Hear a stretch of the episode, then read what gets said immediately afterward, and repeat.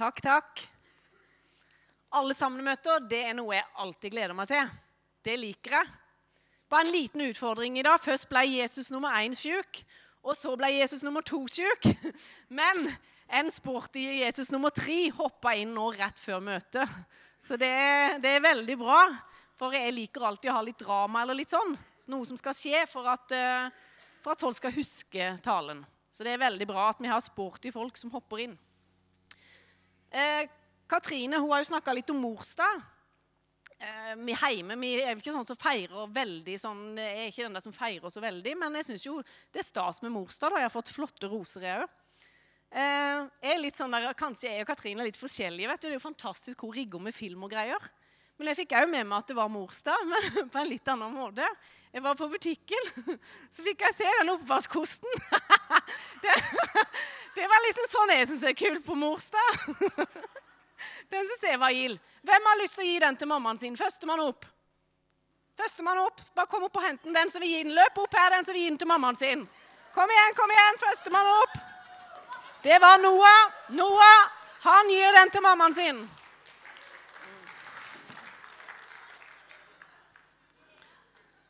Roser og oppvaskkoster. Det er bra. Jeg elsker jo unger. Jeg syns det er fryktelig gildt med unger. Og nå skal dere høre en god en. Det var en gang to unger som satt i en barnehage.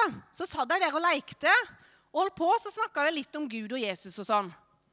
Og så sier den ene Jeg tror at Jesus trives veldig godt sammen med Gud. For de har jo i grunnen ganske mange felles interesser. og så sier den andre Ja, i himmelen der gjør de nok bare gøye ting hele tida så jeg er sikker på det at Jesus han er smørblid.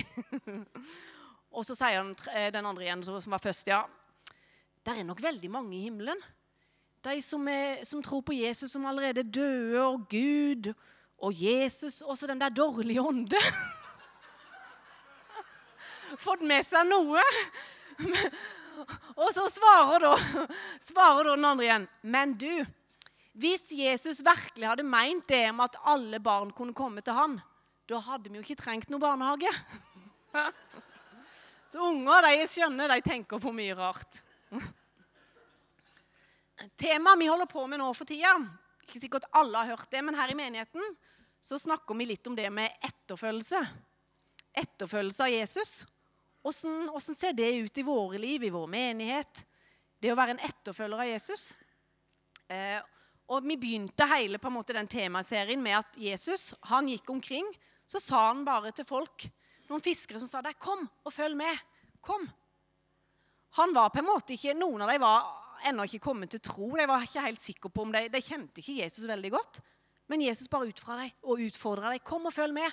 Så fikk de lov å være sammen med Jesus, gå sammen med han, være underveis, bli bedre kjent med han. Og så fikk de lov å bli kjent med alt det gode som Jesus var en bærer av. I dag skal vi ta utgangspunkt i en kjent historie i Bibelen som står i Markus 6,30. Men for å fortelle den historien så trenger jeg litt hjelp. Kan dere som skal hjelpe meg, komme opp, så skal vi rigge litt?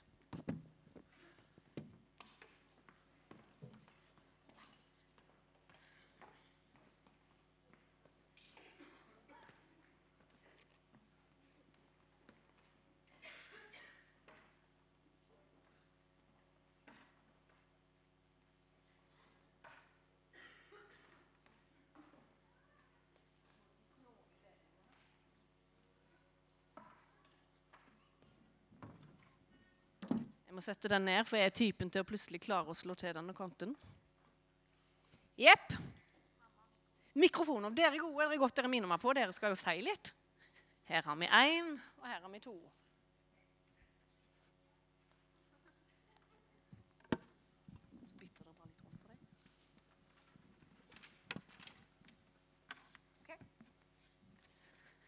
Veldig bra. Da tenker vi oss litt tilbake i tid eh, faktisk helt tilbake til Jesus gikk sammen med vennene sine. Og her har vi altså Jesus, og her har vi vennene til Jesus. eh, Jesus han hadde akkurat fått en ganske vanskelig beskjed, og vond beskjed. Dere vet det at Jesus han var jo et menneske akkurat sånn som dere og vi her inne. Han var mennesker med følelser, akkurat som oss. Og Jesus han hadde fått beskjed om at døperen Johannes han var død. Og han var en slektning til Jesus. Så ikke bare det var døperen Johannes død, men han var blitt tatt livet av på en brutal og feil måte.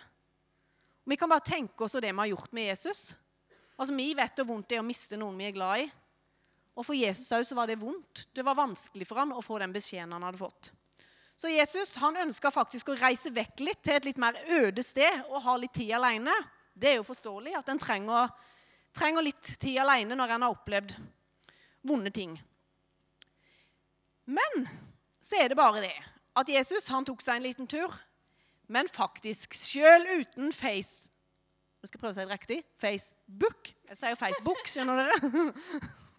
Sjøl uten Facebook og Instagram-bilder og alt, så fikk folk greie på hvor Jesus var henne. Helt ufattelig. Åssen kan det gå an, tenker dere unge? Åssen går det an å vite om mennesker er henne uten Facebook og Instagram? Men faktisk så fikk greie på, folk greie på hvor Jesus var henne. Så når Jesus hadde vært litt der i båten sin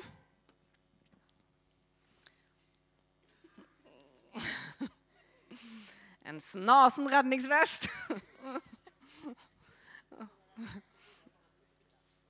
Bikini står det på den, faktisk. Det så jeg ikke før nå.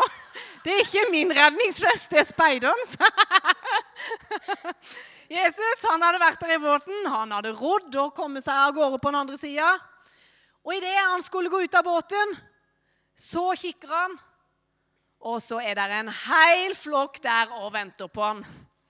Yes, nå som han hadde tenkt å ha litt alenetid. Og gjør Jesus i sånn en situasjon? Tar Jesus og ber dem komme seg vekk og gå av gårde?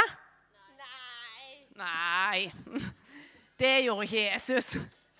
Får Jesus et uh, følelsesmessig utbrudd kanskje der? Han kom og fikk se alle folka. Nei. Nei, det gjorde ikke heller Jesus. Kanskje han løp vekk derifra? Nei. Nei, det gjorde ikke heller Jesus. Det vi fikk oppleve med Jesus i denne historien, er at når han fikk se de menneskene, så står det faktisk det. Her, for Jesus sitt hjerte kommer nemlig da fram. Det står at han fikk inderlig medfølelse med dem. For sånn er Jesus. Han fikk inderlig medfølelse med dem. Så Jesus han gikk der og satte seg midt blant folka. Det står at han eh, gjorde tegn og under faktisk der òg. Og han var i sammen med dem. Lærte dem, snakka med dem. Noen mennesker trengte, var syke, noen trengte kanskje bare en samtale med Jesus. Og han var der og snakka sammen med dem. Men så var det jo det han hadde vært der, langt ute i ødemarka i mange timer. Og så gikk det mot kvelden. Så skjedde det med de menneskene akkurat som det skjer med du og meg. Og skjer i løpet av en dag. Vi blir Yes, Tor Aslak! Du vet det, det er bra. Vi ble jo sultne. Og sånn var det jo med de òg, selvfølgelig. De ble sultne. Og da er det en av vennene sier til Jesus Men du, Jesus, det er jo ganske, ganske øde her. Og så er det jo veldig seint på kvelden. Så jeg tenker, kan ikke du bare ta og sende de av folka her for å kjøpe litt mat eller hente? Vi trenger ikke gå av sted for å få mat. Nei. I alle dager var dette et merkelig svar av Jesus. Hæ. Men det var jo ganske mange mennesker der, og det var faktisk eh, en fisker iblant dem. Så denne fiskeren, den visste jo hva han skulle tenke for noe. Han begynte å tenke Juhu, la oss fiske litt! Vi kan jo faktisk få rigga og fiska. Men så kikker han seg rundt. Øy. Etter å ha tenkt seg litt om, så skjønner han jo at det er umulig å fiske til alle de menneskene. Det er jo faktisk 5000 sultne mannfolk. Og 5000 sultne mannfolk, det er ganske mye fisk. Og mannfolk de spiser jo mye. Og I tillegg så er det jo både damer og unger. Nei, det nytter ikke å begynne å fiske til den gjengen der. Det gjør det ikke. En annen person han var ganske skjesken på boller. Så han reiser seg, og så begynner han å lukte og snuse. Og kan nærmeste bollebutikk være hen? Og er nærmeste Rema Spar eller Lien sende tro? Han lukta, og kan det være boller hen?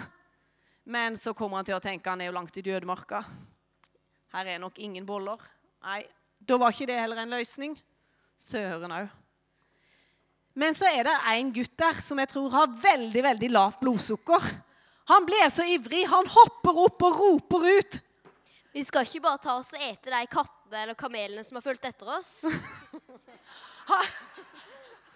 Han er nok skikkelig desperat. Han er villig til å faktisk ta katter og kameler.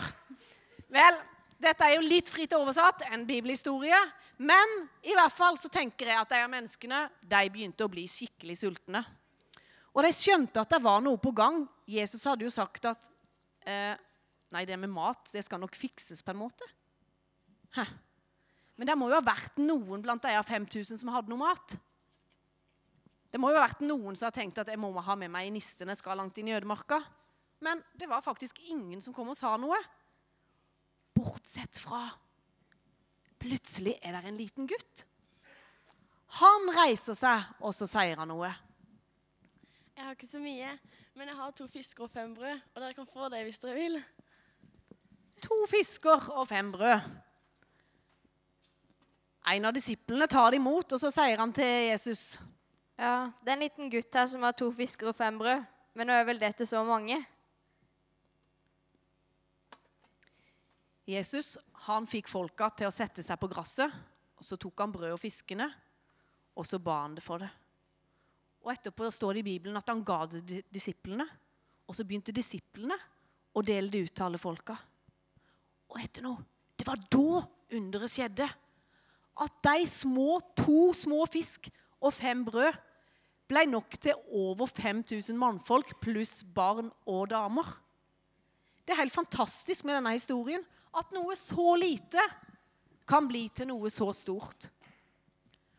Da tenker jeg hva kan egentlig denne historien fortelle oss?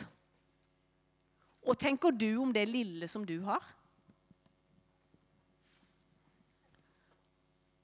Og for noe smått har du som du kan bruke? Jeg tror vi har noe å lære av denne gutten.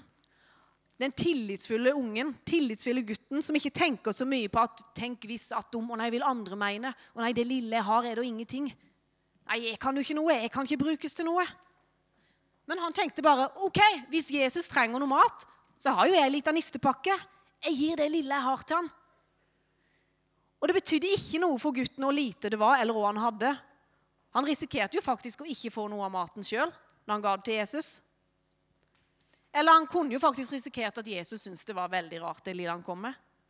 Men gutten han bare ga det fra seg til Jesus. Forskjellen på denne gutten og alle de andre jeg tenker Det må jo kanskje ha vært noen andre som hadde mat med seg. Men forskjellen på dem var at han gutten bare handla. Han bare gjorde noe. Han bare ga det til Jesus uten å tenke. Og hva førte det til? Jau, det førte til at han fikk møte Jesus. Det førte til at han fikk komme helt fram til Jesus. Og jeg tenker Det kan ikke bare ha vært lett en reise fram. Det må jo kanskje ha kommet noen tanker om at alle de der voksne mannfolka som satt rundt der, kanskje kikka og tenkte nei, hva skal han lille gutten fram til Jesus gjøre? Det lille han har, og er det med han, og tror han, liksom? Det må kanskje ha vært litt skummelt for han å gå fram òg, kanskje? Men jeg er sikker på idet han fikk møte Jesus, idet han ga det kanskje først til en av disiplene, og så når han fikk møte blikket til Jesus, så skjønte han dette er en som er glad i meg. Dette er en som heier på meg. Dette er en som er glad for at jeg kom med det lille jeg hadde. Gud han har skapt hver av oss her inne unike. Dere som er de yngste her fra fjerde klasse, helt til de eldste. Hver eneste en er unik for Gud. De sang det i stad, Gledesspiren, at vi er alle spesielle. For Gud har skapt oss med forskjellige gaver og talenter. Så kan vi få lov å gi det lille vi har. Det kan vi få lov å si Gud. Takk at du kan bruke meg med det lille jeg har. Og så er vi forskjellige. Noen er gode til å bake. Noen er gode til å svinge moppen, noen er bra med musikk, noen er bra med drama, noen er bra med lyd, noen er bra med lys, noen er bra med pynting. Alle er vi forskjellige, så kan vi få lov å bruke det lille vi har. Og så kan vi bli til velsignelse for mange andre mennesker. Jeg er sikker på Ungene hadde ikke syntes det var det samme i dag uten de ballongene til pynt. For når de kommer inn, så ser de ok, dette er et møte som de har tenkt på at vi barna skal være her. Vi kan kanskje tenke det er uvesentlig, men ballongene betyr noe at ungene føler seg hjemme. Gi det lille du har. dine gaver uansett. Uansett hva det er for noe, så kan vi få lov å være sånn som den lille gutten, og så kan vi gi det til Jesus. Eh, jeg søkte på internett på det der med to fisker og fem brød. Jeg søkte på en sang som handler om det. Da skjedde noe litt kult. For da kom jeg nemlig inn på en blogg, og det var faktisk en frolending sin blogg. Ida, kan ikke du komme opp her litt? Ida sin blogg kom jeg inn på da.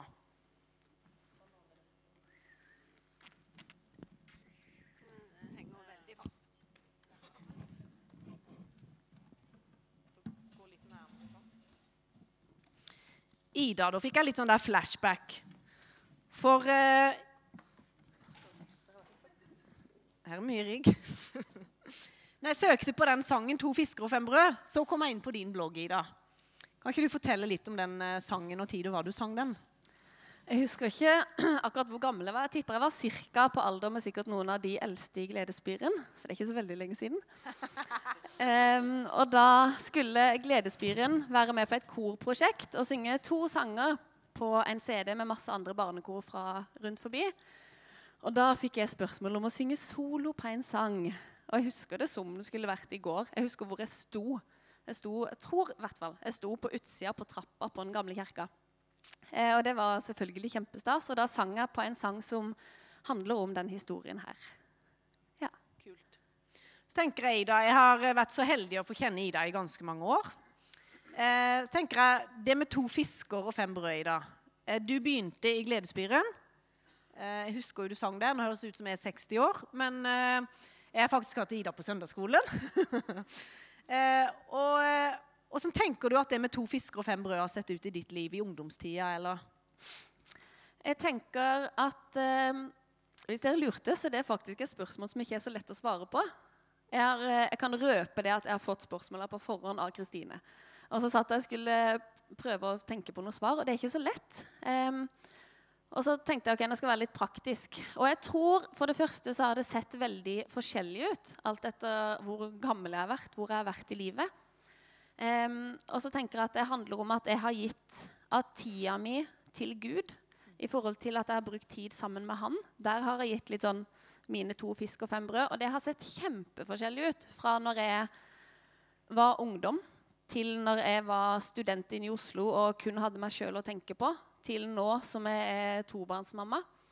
Eh, så ser det ikke likt ut i det hele tatt, men det tror jeg Gud forstår. Og jeg tror han ser på det at vi gir det som for oss da er to fisk og fem brød. Og så har jeg gitt tid eh, i forbindelse av tjeneste, eller forbindelse med tjeneste, det at jeg har vært med i Det har jo da hovedsakelig vært lovsang. Eh, og der òg gitt, alt etter hvor jeg har vært i livet, ulike mengder med tid inn i menighetene der jeg har vært. Eh, og så har jeg òg da gitt, siden det for meg handler om lovsang, gitt eh, stemmen min, kan jeg kalle det. Eh, men hvis jeg skal være helt ærlig, så har jeg aldri gitt stemmen min med tanke på at det er den i seg sjøl som er det som velsigner mennesker. Jeg har aldri hatt noe stor tro på at min stemme er det som skal røre ved mennesker, men det er mer det at jeg tror Gud gir en Gud har planer med livet ens, eh, og så gir han oss talenter. Eh, og da er det det vi finner glede i å gjøre. Det, vi, det hjertet lengter etter å gjøre. Og så tror jeg Gud velsigner det. Så jeg har gitt, eh, gitt stemmen min fordi jeg har opplevd at det er det jeg skal gjøre. Og så går man heller i tro på at Gud velsigner det. At ikke det er vi som skal prestere. Fordi det jeg har, det, det føles ikke stort for meg i det hele tatt. På noen måte. Men så må jeg gå i tro på at Gud velsigner det ut ifra tilbakemeldinger jeg kanskje har fått på at mennesker har blitt møtt av Gud gjennom det. Supert. Um, husker eh, når Ida satte seg på flyet og skulle reise til Australia. Det var jo et stort savn at Ida ikke skulle være i Froland lenger. Jeg måtte stålsette meg og ikke grine veldig. For jeg, liksom, jeg, jeg ønska jo alt godt, og ønska jo at hun skulle få lov å reise ned til Australia. selvfølgelig. Jeg husker ennå jeg skrev et brev til henne som hun skulle ha på flyet.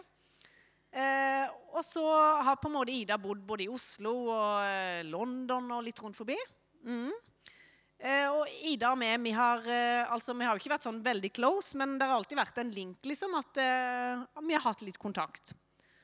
Og så For noen år siden, når lederskapet her begynte å snakke om at eh, vi ønska å satse på musikklivet, vi ønska at eh, opplevde det at menigheten her på en måte det med sang og musikk har alltid vært viktig her. Vi ønska å begynne å satse enda mer på det, og kanskje ansette på det. Da var det Ida sitt navn igjen dukka opp i mitt eh, hode og hjerte, og jeg tenkte og tenkte på henne, og det var det flere andre i lederskapet òg som gjorde. Og jeg var den heldige som fikk lov å ringe inn til Ida og spørre er det i det hele tatt mulighet for at du kunne tenke deg å flytte tilbake til Froland? Liksom? Er, det, det noen sjanse for det i det hele tatt?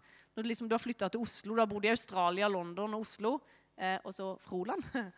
ja. Så tenkte jeg, er, det i det hele tatt er det, er det noen sjanse for det? Så jeg ringte Ida og bare sa åssen det var, og hva vi i menigheten tenkte på. Og da og svarte du da, Ida? Da svarte jeg ehm, Det husker jeg ikke ordrett. Men jeg hadde i sikkert da ukene, noen måneder før det, begynt å drømme litt. Jeg har nok alltid hatt eh, Eller ikke alltid, men i mange år hatt lyst til å hatt mulighet til å jobbe med lovsang. Eh, og så Etter hvert så ble den drømmen såpass konkret som at jeg hadde skrevet den ned i en sånn bok jeg har. Eh, og jeg hadde fortalt det til Johannes, men ikke snakka med noen andre om, eh, om det. Og det var at jeg hadde lyst til å jobbe med lovsang i Froland misjonskirke. Men, men, det virka veldig usannsynlig, så derfor så sa de ikke til noen. For sånn, her, de har jo ikke noen som jobber med det her. Hvorfor skal de plutselig opprette det, en stilling på det her? Ganske kult. Hæ? Sånn tenker jeg at sånn er Gud. Han legger ned drømmer og lengsler i menneskers hjerte. Og så kommer det fram. Tenker Ida, Hva er din oppfordring i forhold til mennesker her inne i forhold til å gi det som handler om det lille vi har? Da er min oppfordring å ikke Det er lettere sagt enn gjort, men å ikke høre på de tankene som sier at det der er ingenting. Det der kommer ikke til å bety noe. Eh, du har ikke det som trengs. Eh, fordi jeg tror at hvis Gud har lagt noe ned igjen som han ønsker å bruke, så er det òg en som har lyst til å stoppe det og hindre det. Eh, og det er klart at da hogger han på de tinga der. Da er det det han velger å utfordre. Eh, så ja, ikke hør på de tankene. Velg å stole på de tilbakemeldingene man får fra mennesker på at Gud har møtt dem gjennom det du har gjort. Eh, og så tenker jeg òg eh, å ikke se på dine egne holdt jeg på å si, feil eller mangler eller utilstrekkelighet. Hvis jeg skulle gjort det, så hadde jeg aldri eh, vært med på de tinga jeg har vært med på, hvis jeg skulle sett på mine egne begrensninger. Men man må tørre å tro at Gud kan ta det. Når man, gir, når man tør å gi det lille, så tar han det, og så mangedobler han det og bruker det. Takk skal du ha, Ida. En klapp for Ida.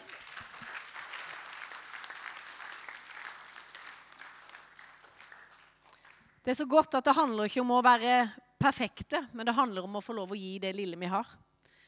Og det å leve kristenliv, det å få lov å vandre i livet i følge med Gud. Og så kan vi få lov å ta del i det han gjør i hverdagen. Så kan vi få lov å være på laget med han. Det er godt. Vi ber til slutt. Takker deg, Gud, for at eh, du er en Gud som er for oss. Du er en Gud som ønsker kontakt med oss fordi du er så glad i oss. Du ønsker å ha et nært forhold og et fellesskap med oss, Gud. Og jeg takker deg ut ifra det fellesskapet, så kan vi få lov å leve livet sammen med du. Være med på det du gjør, både i Froland og iblant mennesker rundt oss, om vi er på butikken, om vi er på treningssenter, i skole, i barnehage. Så kan du få lov å bruke det lille vi har, Gud. Det du har gitt oss, så kan vi få lov å være etterfølgere av du og bli brukt av du, Gud. Til å være en som oppmuntrer andre, til å være en som betyr noe for andre. Takk for det, Gud, at du ønsker å bruke oss, hver eneste en. Hver eneste en så har du gitt gaver, og vi er verdifulle for du. Ber om at du skal velsigne alle som er her inne, både store og små. Minne deg på at du bryr deg om deg. Du er for oss. Takk for det, Gud. Amen.